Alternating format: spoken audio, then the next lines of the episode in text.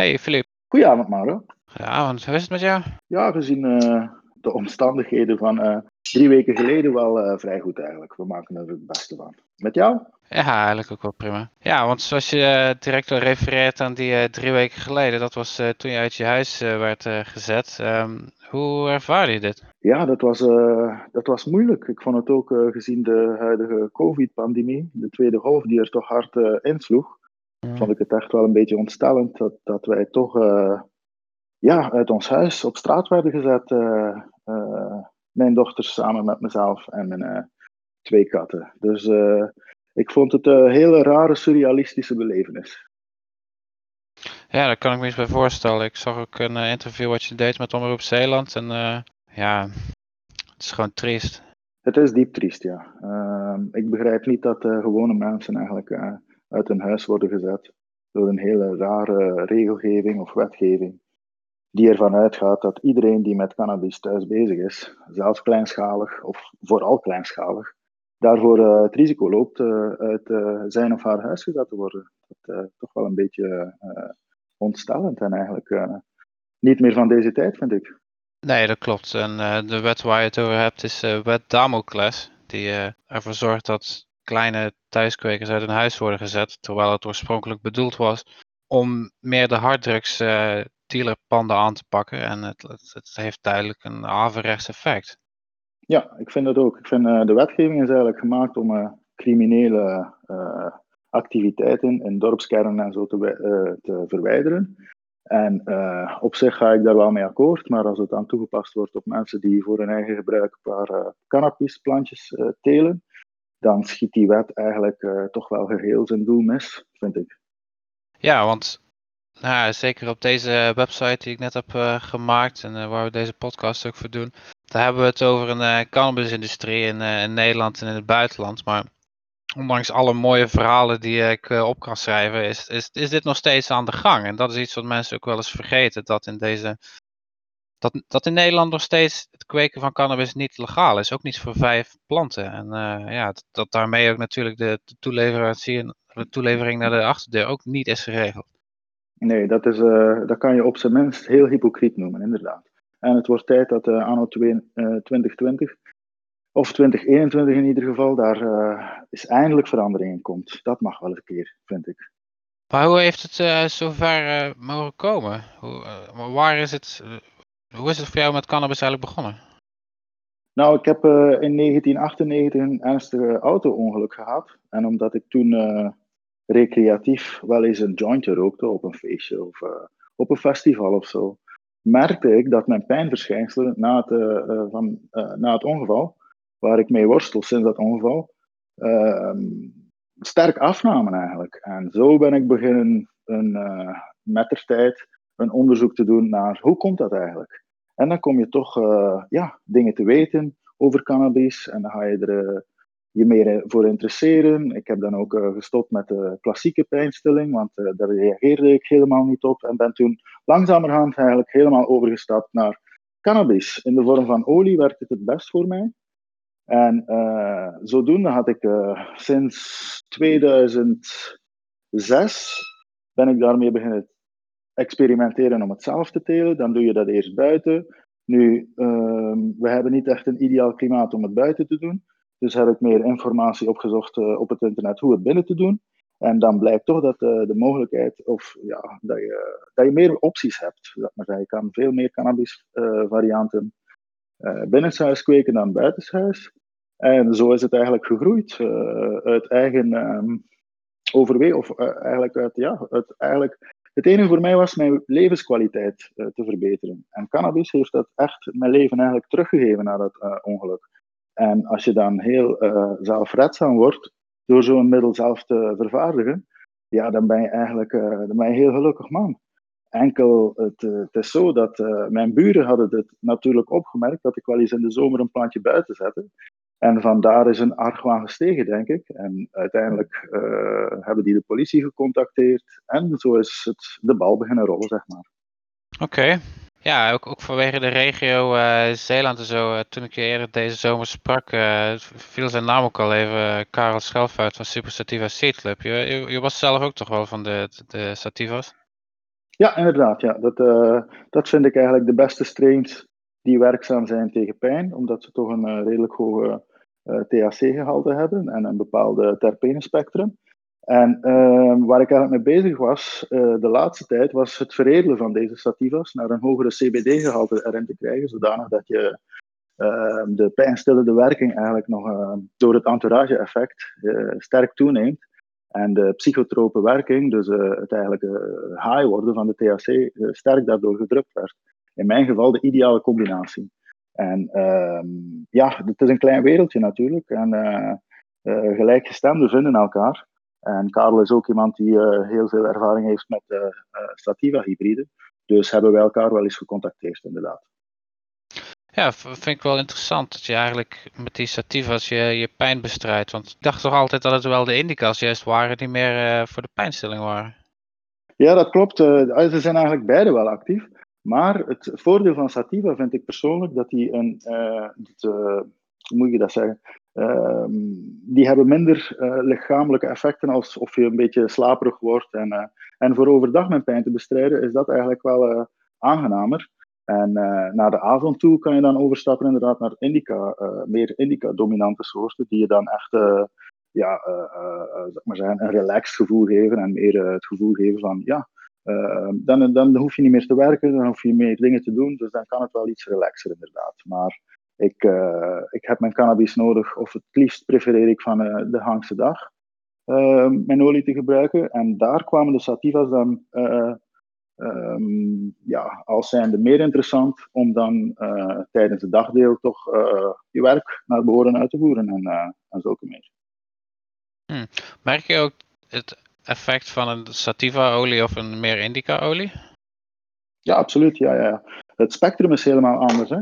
Ik bedoel, kijk, elke cannabisvariëteit um, um, neemt je pijn weg in meer of mindere mate. En maakt ook je spieren wel een beetje meer ontspannen en zo. Dus eigenlijk kan je zeggen dat cannabis in het algemeen een positieve werking heeft op chronische pijn. Maar uh, omdat ik natuurlijk ja, uh, functioneer, ik ben een huisvader van twee kinderen, ik heb werk en noem maar, maar op, ben je toch uh, op zoek naar um, de ideale olie, zeg maar, om onder elke omstandigheid te kunnen gebruiken. En uh, na lang autodidactische studie daarover uh, ben ik dat beginnen implementeren bij me thuis. En zo naar de veredeling toe te gaan. En dan kan je eigenlijk ehm, olies maken die echt geschikt zijn voor elke moment in je, in je dag. En dat vind ik net het interessante aan cannabis, dat de, de, de rijkheid van deze plantensoort is echt heel breed. En als je er een beetje jezelf op toelegt, kan je ook met, ja, na verloop van tijd echt een onderscheid beginnen maken van welke olie of welke strain of welke uh, groep van planten werkt beter overdag uh, of s avonds of, of voor het slapen gaan en dergelijke meer. Hm. Ja, toen ik je verhaal tegenkwam voor het eerst, las ik uh, Terneuzen. Nou, dat bleek dat later uh, te zijn, op de grens van België. Ja, is daar ook een beetje een rare situatie überhaupt. Er is er maar één coffeeshop nog over daar in uh, Miami nadat de checkpoint heeft moeten sluiten. En uh, ja, die is, zover ik zelf van alles en iedereen heb gehoord. Ik ben er zelf nog steeds eigenlijk nooit geweest. Maar behalve de kwaliteit is het natuurlijk ook, zijn er veel te weinig coffeeshops ook, in die regio. Ja, het is een beetje raar eigenlijk, want sinds uh, de coffeeshop of de checkpoint affaire in Terneuzen is er dus maar overgegaan op één coffeeshop, terwijl er twee vergunningen eigenlijk openstaan. Naar het aantal inwoners zouden er twee coffeeshops mogen zijn.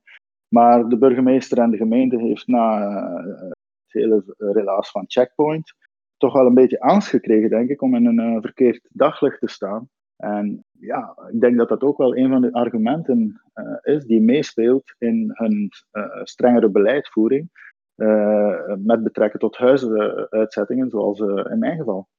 Ja, want dit waren dan nog eh, planten, maar ik, ik, had het even terug opgezocht dat ze in Zeeland die zelfs voor meer dan 5 gram cannabis gewoon uit je huis zou kunnen zetten. Dus ook dat die bij Damocles daar van toepassing op is.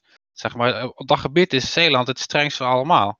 Ja, dat is eigenlijk een beetje. Ik denk dat de angst of de stigmatisering van cannabis uh, over heel veel jaren nog zijn een gevaarlijke drug daar een uh, belangrijke rol in speelt. En ik denk dat mensen ook makkelijk die, dat verkeerd stigma dus aannemen als zijnde waar. En het, het gaat over de hele perceptie op cannabis in het algemeen natuurlijk. En als er een heel sterk ehm, anti-cannabisbeleid wordt gevoerd in de regio, ja, dan krijg je natuurlijk uh, zulke verschijnselen. En het is heel jammer, want als je bedenkt dat iemand met zes grammetjes cannabis veroordeeld kan worden als zijnde een crimineel, en daardoor ook uit huis wordt gezet, dan stel ik me toch wel vragen bij de andere kant van het verhaal, waarbij Nederland toch een land is die eigenlijk een van de trendsetters is geweest op het gebied van een tolerantiebeleid naar cannabis. En dan eigenlijk na 40 jaar een tolerantiebeleid te voeren, nog, nog steeds mensen criminaliseert voor kleine hoeveelheden cannabis en ook voor kleine teeltjes. Ik vind dat echt ook een uh, totale uh, waste van middelen en, en energieën die ook uh, naar de politie bijvoorbeeld de politie zelf, denk ik dat de politieagenten zelf maken het onderscheid wel. En vinden dat ook maar niks, dat ze telkens hun tijd en energie moeten steken in, in mensen die eigenlijk helemaal geen criminelen zijn. Dus uh, ja, ik denk dat de politie er in de eerste plaats is om de burger te beschermen tegen ergere vormen van, uh, of, of echte vormen van uh, criminaliteit. En uh, daarmee een doel ook helemaal mist. Ja, dat is voor mij ook een van de belangrijkste argumenten die ik gebruik om mensen uit te leggen wat en waarom ik deze strijd nog steeds voer. Simpelweg, ja, de politiecapaciteit kan inderdaad veel beter op andere manieren worden gezet en achter echte boeven aangaan in plaats van achter plantjes. Ja, inderdaad, inderdaad. En ik zou er ook, uh, ja, ik doe een sterke oproep aan het Nederlands beleid om het uh, eindelijk is fatsoenlijk te proberen reguleren. Het is allemaal niet zo moeilijk. Kijk, auto's zijn ook gevaarlijk. Daarom moet je een rijbewijs halen en zijn er verkeersregels. Dus ik bedoel, volwassen mensen die aan de slag willen gaan met kleine hoeveelheden cannabis te kunnen telen, al of niet gebruiken, al of niet uit medicinaal oogpunt, dan wel recreatief, ehm, zou moeten kunnen. Het is allemaal niet zo moeilijk om dat in een, in een regelgeving te gieten. En ik denk als je bekijkt wat er tegenwoordig aan de gang is, ook in landen zoals Amerika, waar het toch eh, heel sterk eh, eh, wordt gelegaliseerd in de verschillende staten. En het groeit steeds maar. Canada heeft een legalisatie doorgevoerd.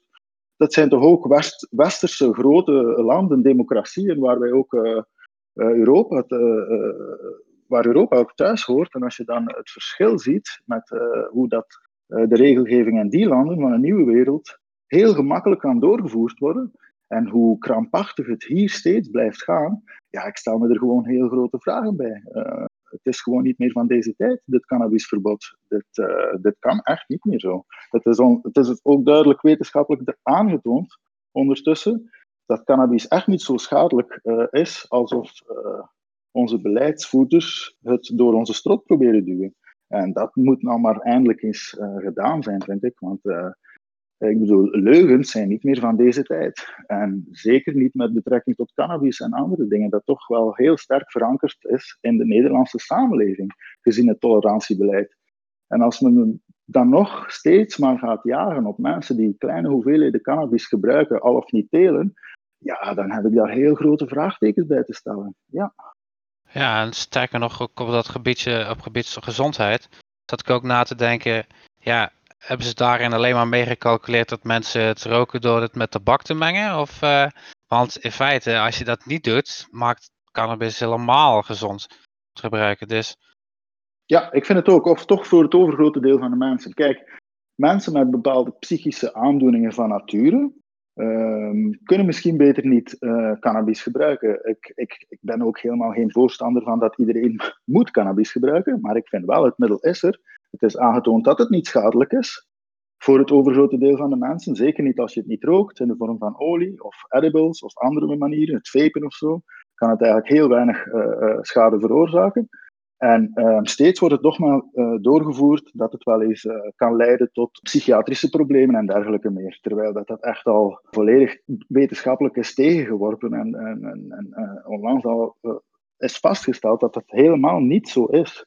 Dus die dogma's die ze gebruiken om cannabis eigenlijk uh, in de, steeds in de hoek van een gevaarlijke drug te duwen, die zijn zo achterhaald dat het echt schrijnend is en onbegrijpelijk dat die retoriek nog steeds wordt gebruikt door de politici die uh, in Nederland anno 2020 aan de macht zijn. Ik bedoel, die mensen hebben echt, die moeten zichzelf eens uh, dringend gaan uh, informeren over wat cannabis is. En dan kunnen ze misschien een, volwassen, gereguleerd beleid creëren waarin de Nederlandse cannabisgebruiker, al of niet medicinaal, een plaats heeft in de samenleving en niet meer gestigmatiseerd wordt als zijnde gevaarlijke criminelen of drugverslaafden of iets van die aard. Het is echt uh, schrijnend dat deze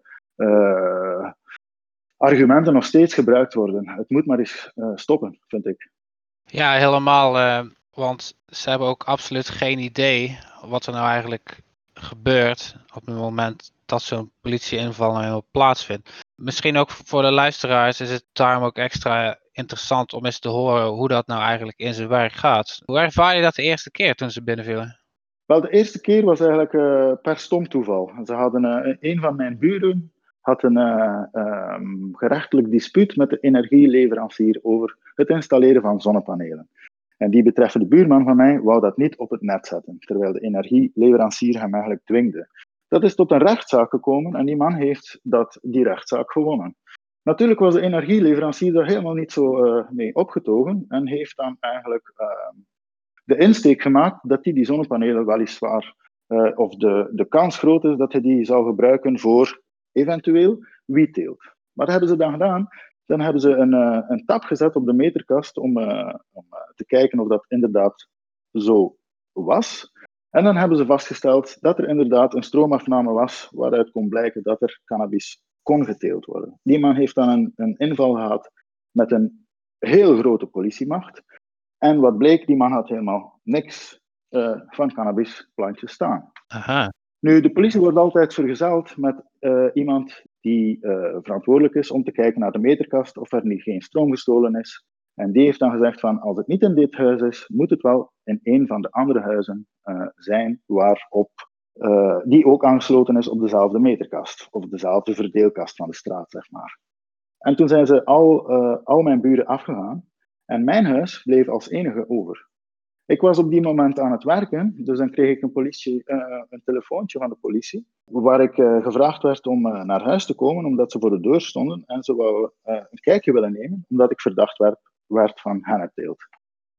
Ik heb dan gezegd van prima, ik kom eraan, maar dat was ongeveer een uurtje rijden naar me thuis. En toen ik thuis kwam, was de politie al bij me binnengedrongen en werd de kwekerij al ontmanteld. Die rechtszaak is dan geseponeerd door de rechter, omdat de politieagenten hadden helemaal geen bevel tot binnentreding van uh, de officier van justitie voor mijn woning binnen te treden.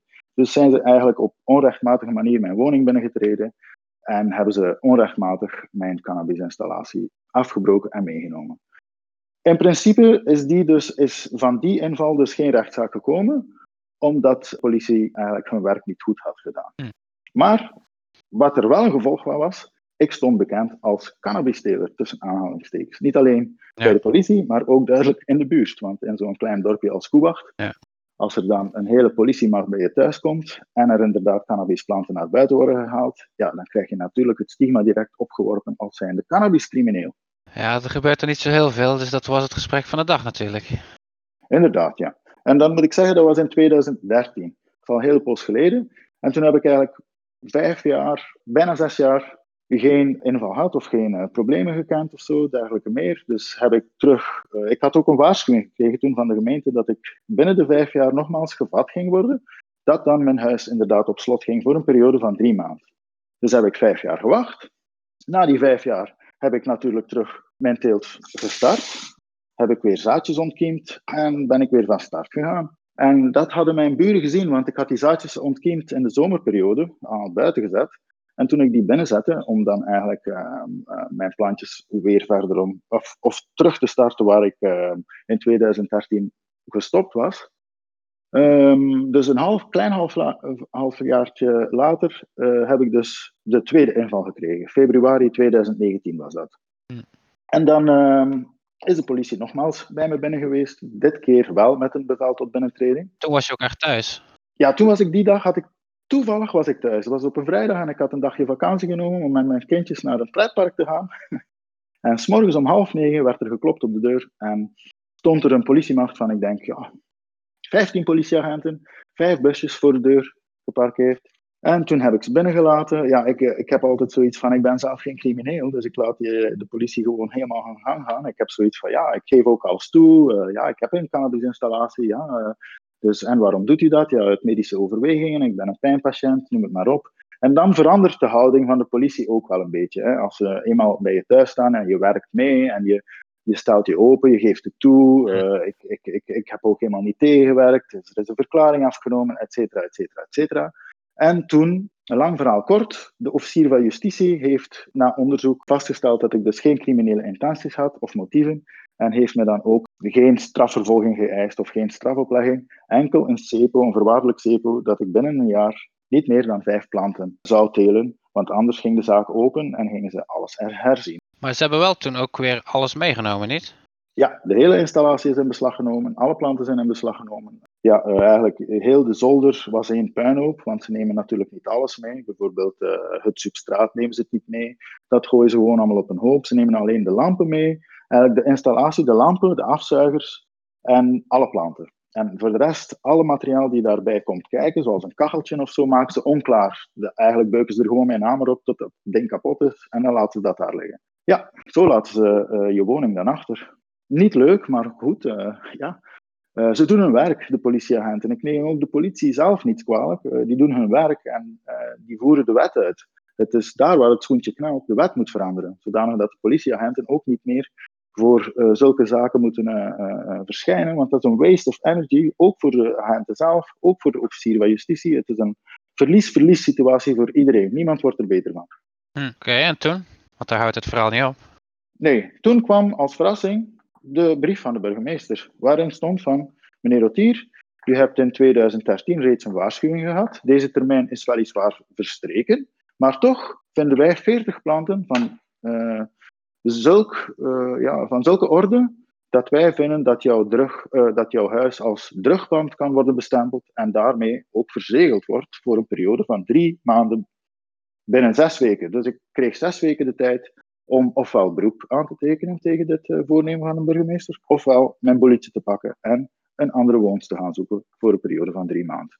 Ik heb dus voor het eerste gekozen. Ik, uh, ik vond ja, het Openbaar Ministerie pleit je, eigenlijk vrij, omdat hij weet van, ja, hij is een pijnpatiënt, hij doet wat hij doet om zijn pijn mee te verlichten, hij betaalt netjes zijn stroom, zorgt voor geen overlast, heeft geen criminele intenties, dus meneer hoeft ook niet als crimineel voor ons veroordeeld te worden. En dan toch krijg je de brief van de burgemeester, waaruit eigenlijk het tegendeel blijkt. Hij vindt wel dat je als crimineel moet worden bestempeld en je huis wordt gesloten. Dus ik heb dan ben ik daarmee naar de rechtbank gestapt van Middelburg om um, beroep aan te tekenen tegen het uh, voornemen van de burgemeester. En die eerste rechtszaak heb ik ook gewonnen.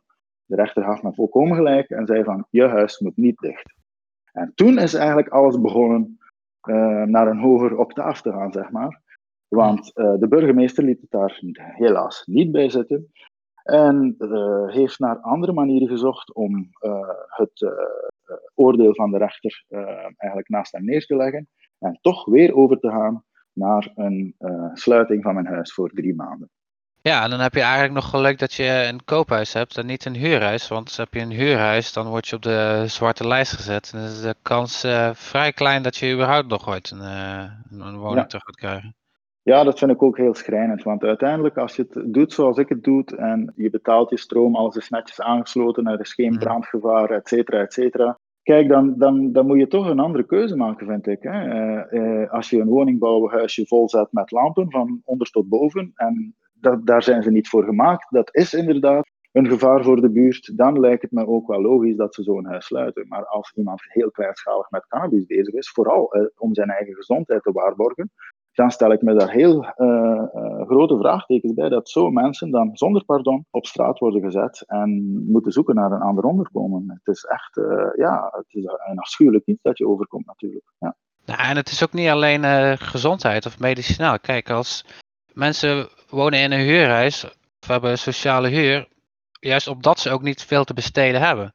Nou goed, dan kiezen ze ervoor vaak om cannabis te gebruiken in plaats van alcohol bijvoorbeeld, in veel gevallen is het waar, dan mogen ze het niet de goedkoopste manier doen. Ze mogen het er niet zelf kweken. Nee, ze worden nog steeds gewoon naar die koffieshop gestuurd. Ja, maar dat is een rommeltje. Hè? Het rommeltje zit hem in het beleid of de beleidsvoering, in de wetgeving. Het is een beetje tegenstrijdig dat Nederland als beleid zegt van wij voeren een tolerantie uh, tot vijf planten. Maar dat mensen dus uh, ja, met zes planten zonder pardon hun huis worden uitgezet. En in sommige gemeentes een, nul, een nultolerantie geldt, omdat de burgemeester gewoon tegen cannabis in het algemeen is. En zelfs met één plant of twee planten hun huis worden uitgezet. Ja, dat is toch wel, uh, dat, dat spreekt elkaar enorm tegen. Dat is geen tolerantiebeleid, dat is juist een intolerantiebeleid. Ja, daar stel ik me ook grote vraagtekens bij. Ik vind het kan niet. Het moet gewoon gereguleerd worden, zodanig dat mensen weten uh, wat de wet is, wat toegelaten wordt. En um, het is allemaal niet zo moeilijk. Je kan het regelen. Ik bedoel, mensen hebben jacuzzi's thuis, sauna's thuis, van alle elektrische apparaten thuis. Dus uh, twee lampjes met een paar plantjes eronder zou dat niet een groter gevaar moeten zijn als die maar andere mensen die bijvoorbeeld een mega groot tv-scherm hebben. Of, het is vooral het stigma dat eraan kleeft en de beeldvorming en de perceptie erop. Als de retoriek nog altijd geldt van dit zijn criminelen, en het wordt ook zo in het beleid doorgevoerd. En aan de andere kant hebben ze een tolerantie ten opzichte van vijf klanten en hebben ze coffeeshops waar ze softdrugs verkopen toch toestaan. Dat, dat spreekt elkaar zodanig tegen. Dat klopt gewoon niet. Er moet iets gebeuren daarmee. Dit kan niet. It's a waste of money and energy om daar steeds weer zo tegen in te gaan. Ja, en uiteindelijk heb je het, het oordeel van de rechtbank ook zelfs aangevochten in de Hoge Raad. Dat is voor veel mensen die weten überhaupt niet wat dat is. Hoe was dat op die ervaring en, en, die stap om dat te nemen? Ja, kijk, natuurlijk, rechters zijn niet erg bekommerd met persoonlijkieven. Hè. Ze, ze bekijken het meer breder natuurlijk. En ik denk ook dat ze heel huiverig stonden tegenover een precedent te maken. Als ik die rechtszaak zou, zou hebben gewonnen, dan zouden nog meer mensen zich daarachter kunnen die gebruiken om zichzelf mee te verdedigen. En ik denk dat ze zeer terughoudend waren zo'n vonnis ook daadwerkelijk te vellen, zeker naar de Hoge Raad van State toe. En dat ze eigenlijk de dingen een beetje uit een context hebben getrokken om mij toch maar, uh, toch maar uh, vast te kunnen stellen dat het niet, in mijn geval, louter en alleen voor eigen gebruik zou zijn en dat ik mijn olie ook verdeeld zou hebben aan derden en daarmee ook eigenlijk de huisuitzetting goedkeuren. En dat is zo uit zijn context getrokken. Ik bedoel, ik heb inderdaad mijn olie gedeeld met mijn vriendin die herstaande was van het wegnemen van een eh, tumor. En die had verschrikkelijk veel pijn en die was aan het revalideren bij mij thuis. Dus heb ik die uit mijn goed hart mijn olie laten gebruiken. Hetzelfde geldt voor mijn moeder, die heeft heel veel slaapproblemen. En ik heb haar een, een uh, flaconnetje van mijn olie, sterk verdund weliswaar, gegeven, om haar slaap mee te kunnen bevorderen. En dat is ook zo. Zij slaapt ontzettend uh, goed nu, sinds ze mijn olie gebruikt. En als dat dan wordt gebruikt door de rechters om vast te stellen van, ah, meneer Rotier, je hebt het ook aan derde verstrekt, dus ben je een, ja, een dealer, zou ik zo zeggen, tussen aanhalingstekens. Zelfs al was het niet voor geldelijk gewin. Je hebt je olie gedeeld en daarvoor vinden we dan ook de burgemeester in zijn recht staan om jou uit je huis te zetten. Dat is toch een totale wansmakelijke vorm van uh, uh, recht laten uh, gelden. Dat is geen rechtspraak, vind ik. Hè? Want je houdt geen rekening met Ehm, de persoonlijke levenssfeer van ehm, degene waar je over een oordeel valt. En dan vind ik, ja, dan, dan, uh, dat is eigenlijk de kern van de zaak. En als ze dat naast zich neerleggen en jou eigenlijk gaan stigmatiseren tot zijnde dealer of verstrekker aan derden of whatever, en daarmee dan uh, de goedkeuring van, het, van de huissluiting, uh, of in ieder geval de burgemeester toestaan dat hij mijn huis gaat sluiten, vind ik dat echt een zeer raar gegeven. Maar ja, het is de wet en ik volg natuurlijk de wet. Ik ben ook maar een gewone burger. Ik ga er me niet tegen verzetten. Ik heb er me zo goed mogelijk proberen tegen verzetten. Maar ja, als dan het Hooggerechtshof toch in het voordeel van de burgemeester spreekt, dan heb ik er toch mijn bedenkingen bij over de, de redenen waarom eigenlijk. Ja, hm. ja het, ik moet ook denken aan dat verhaal van Rudolf Hillebrand, die HIV-patiënt eh, uit uh, Amsterdam, die dus uh, ook medicinale cannabis kweekte en nog steeds doet. Maar de rechter heeft uiteindelijk besloten dat hij zijn huis niet uit hoeft en ook wie het mag blijven telen, maar met een hele grote uitzondering daarin dat dat alleen voor hem geldt en zeker niet voor andere mensen. Nee, maar ja, dat ze in mijn geval ook kunnen doen. En ik heb ook, dus ik heb nogmaals een politieinval gekregen in mei 2020 van dit jaar. En dan hebben ze inderdaad niet meer dan vijf planten in beslag genomen, bloeiende plant. En dan nog is de perceptie blijft op me kleven als zijnde uh, iemand die het niet uh, zou maar zeggen, voor eigen gebruik doet. Nou, dat vind ik toch een beetje, een beetje jammer dat dan uh, de burgemeester zo uh, halstarrig blijft volhouden aan een wet waar, of, of, aan een gegeven waar niemand beter van wordt. Ik bedoel, ik word er niet beter van, mijn dochters worden er niet beter van, voor de buurt wordt er niet beter van, niemand wordt er beter van. Dus die wetgeving heeft helemaal geen steek. Als je toepast op mensen zoals ik of uh, meneer Hilbrand of andere mensen die echt, uh, waar de dokter een, een, een duidelijke voorschrift voor heeft geschreven. Als het Openbaar Ministerie na drie invallen steeds zegt van meneer, u doet het voor eigen gebruik, we gaan geen strafvervolging najagen tegenover u. En de burgemeester uh, wil je dan uit je huis zetten. Hey, dat is totaal onlogisch. Dat houdt helemaal geen steek. Dus uh, die wetgeving, ja, ik, ik, ik, begrijp helemaal niet waarom het bestuursrecht en justitie of strafrecht niet in elkaars verlengde liggen en elkaar op dat gebied steeds moeten tegenspreken. Het is ja, ontstellend eigenlijk. Zeer jammer. Ja, want dat is ook niet heel onbelangrijk overal. Jouw dokter staat ook gewoon achter je. Of tenminste, je hebt een echt een doktersverklaring voor dat medicinale cannabis bij jou helpt, toch? Absoluut. En ik moet zeggen, mijn dokter is over de jaren heel uh, positief geworden. In uh, eerste instantie, ik heb altijd proberen eerlijk zijn uh, met de dokter. En ehm, ik heb ook gezegd dat ik dus met de klassieke pijnstilling gestopt was, dat ik cannabis gebruikte en in die periode stond hij er nog zeer huiverig over, omdat er zeer weinig uh, wetenschappelijke studies waren naar gedaan. En het helemaal niet in de medische wereld is doorgedrongen dat cannabis inderdaad deze weldadige effecten heeft. En nu gelukkig begint het meer te komen door middelen zoals CBD, olie en dergelijke meer, begint de know-how en uh, de kennis daarover uh, langzaam door te sijpelen.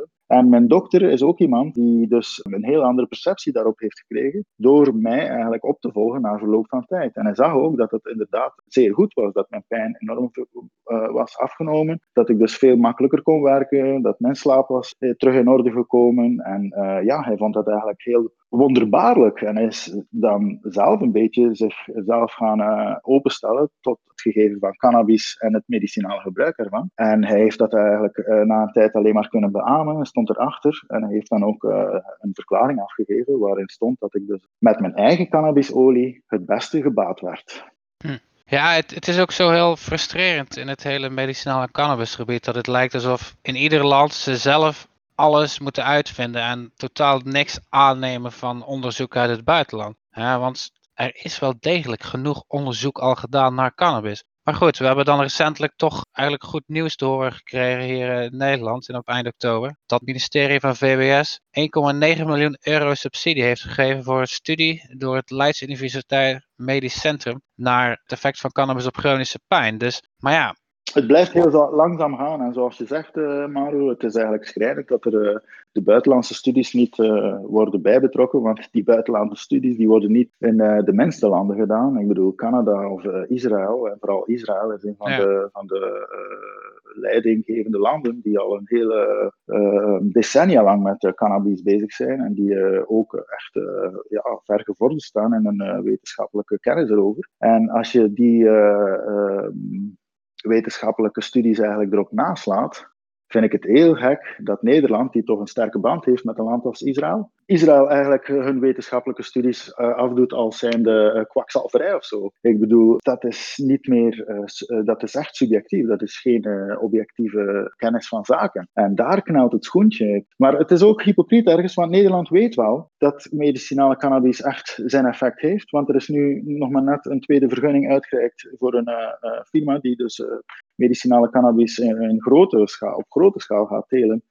Uh, voor de buitenlandse markt te bevoorraden. Dat is eigenlijk ook wel heel raar te noemen, eigenlijk, want ja. Nederland produceert al sinds uh, jaar en dag, ik denk ongeveer 22 jaar, produceren ze op grote schaal medicinale cannabis, voor, vooral voor de export naar uh, het buitenland. Omdat net, in Nederland willen ze niet die medicinale cannabis die door deze bedrijven worden gekweekt, omdat Nederlanders vinden, die er kennis van zaken mee hebben, dat de coffeeshop wiet eigenlijk van hoogstaandere kwaliteit is dan Bedrocan bijvoorbeeld levert. Plus ook de, de, het product van Bedrocan uh, moet je eigenlijk via de apotheker gaan halen. En geen zorgverzekeraar, geen enkele zorgverzekeraar in Nederland taalt medicinale cannabis terug. Ja. En daaruit is de medicinale cannabis, die, door, uh, die, die verstrekt wordt door apothekers, zeer duur ten opzichte van de cannabis die in de koffieshop ligt, zeg maar. Uh, het is wel wat goedkoper geworden, dat moet ik wel uh, toegeven hoor. Het is... is geworden, dat zeg je correct, Mauro. Maar laat ons zeggen, tien jaar geleden was het echt nog een aderlating. Ja. Vandaar ook mijn voornemen om het zelf te doen. En ik vind ook het therapeutische ja, effect van het telen van je planten is ook een, een zeer onderschat gegeven. Ik bedoel, als je zelf je plantjes opkweekt, het blijft een plant, hè, Mauro, dat weten we zelf. Dus je kan ook tomaten kweken in je eigen tuin. En tomaten van je eigen tuin, die smaken meestal beter dan de tomaten van de supermarkt. Waarom is dat? Ja. Omdat je, ja, je geeft die planten liefde, je bent ermee bezig. Je, als je het een beetje op een goede manier. Ja, inderdaad. Hè. Het zijn biologische tomaten. Dat is net zo bij cannabis. Dus als je je eigen plantjes kweekt, krijg je er ook een band mee. En de liefde die je ze geeft, krijg je dan ook terug als, het, uh, als je de cannabis consumeert, in, wat, in, wat, in welke vorm dan ook. En dus die affiniteit die tussen de patiënt of de recreatieve gebruiker uh, en de plant zelf zit, in heel de traject van het uh, cultiveren, ja, er zit ook iets moois in, iets therapeutisch. En dan weet je ook wat er met je product is gebeurd. Dat er geen chemische uh, dingen mee gebeurd zijn, of geen pesticiden gebruikt zijn, zo op een liefdevolle manier is geteeld, dat het product echt een goed, kwalitatief product is, waar je echt met liefde en toewijding aan gewerkt hebt.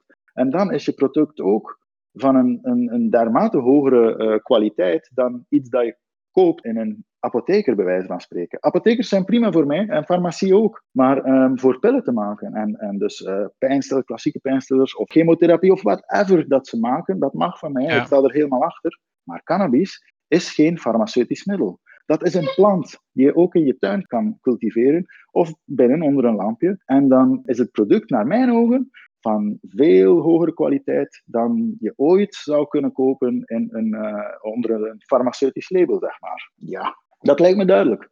Hm. Voordat we afsluiten, is er iets wat je nog wilt meegeven aan de luisteraars, die uh, ervan uitgaan dat het ook een vrij breed publiek is die dit uh, voor het eerst hoort, zeg maar? Nou ja, ik denk dat heel veel mensen in de publieke opinie toch wel al ja, enige kennis hebben over cannabis dat het toch niet zo'n gevaarlijke demonische drug is als uh, steeds wordt afgeschilderd, dat het echt een plant is met medicinale toepassingen en ook een ontstressingseffect heeft en zo. Het is ook helemaal niet uh, schadelijk zoals een toxische stof, zoals alcohol bijvoorbeeld, dat wel verankerd zit in de samenleving en mag. En ik heb daar niks op tegen, dat mag van mij. Ik drink ook graag een glas wijn.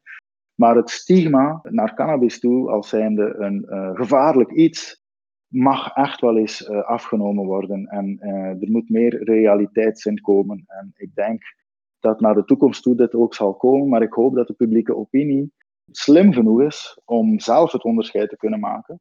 En dat cannabis eindelijk haar rechtmatige plaats in onze samenleving als een weldadige plant die goed is voor mens, dier en het milieu, terug haar plaats krijgt in deze samenleving. En daar roep ik toch een sterke, uh, ja, daar doe ik een sterke oproep voor naar, naar de bevolking in Nederland en vooral naar de beleidsmakers, die echt wel eens enige realiteit zijn aan de dag mogen uh, brengen ten aanzien van cannabis. Ja, dat is een mooie boodschap, maar goed gesproken. Ik wil je hartelijk bedanken in ieder geval, Filip, voor het zijn van mijn zestiende podcastgast. En uh, ja, ik, ik, wens je nog een hele fijne avond. Een fijne avond uh, ook voor jou, Maro. Bedankt voor me deze kans te geven om even mijn verhaal te schetsen. En laat ons hopen dat er in de nabije toekomst een beter en volwassen goed geregeld cannabisbeleid komt in Nederland. Ik kan in ieder geval toezeggen dat ik me daar persoonlijk voor zal blijven inzetten in ieder geval. Waarvoor dank Maro, waarvoor dank. We gaan dat allemaal samen doen. Houdoe. Fijne avond. Doei.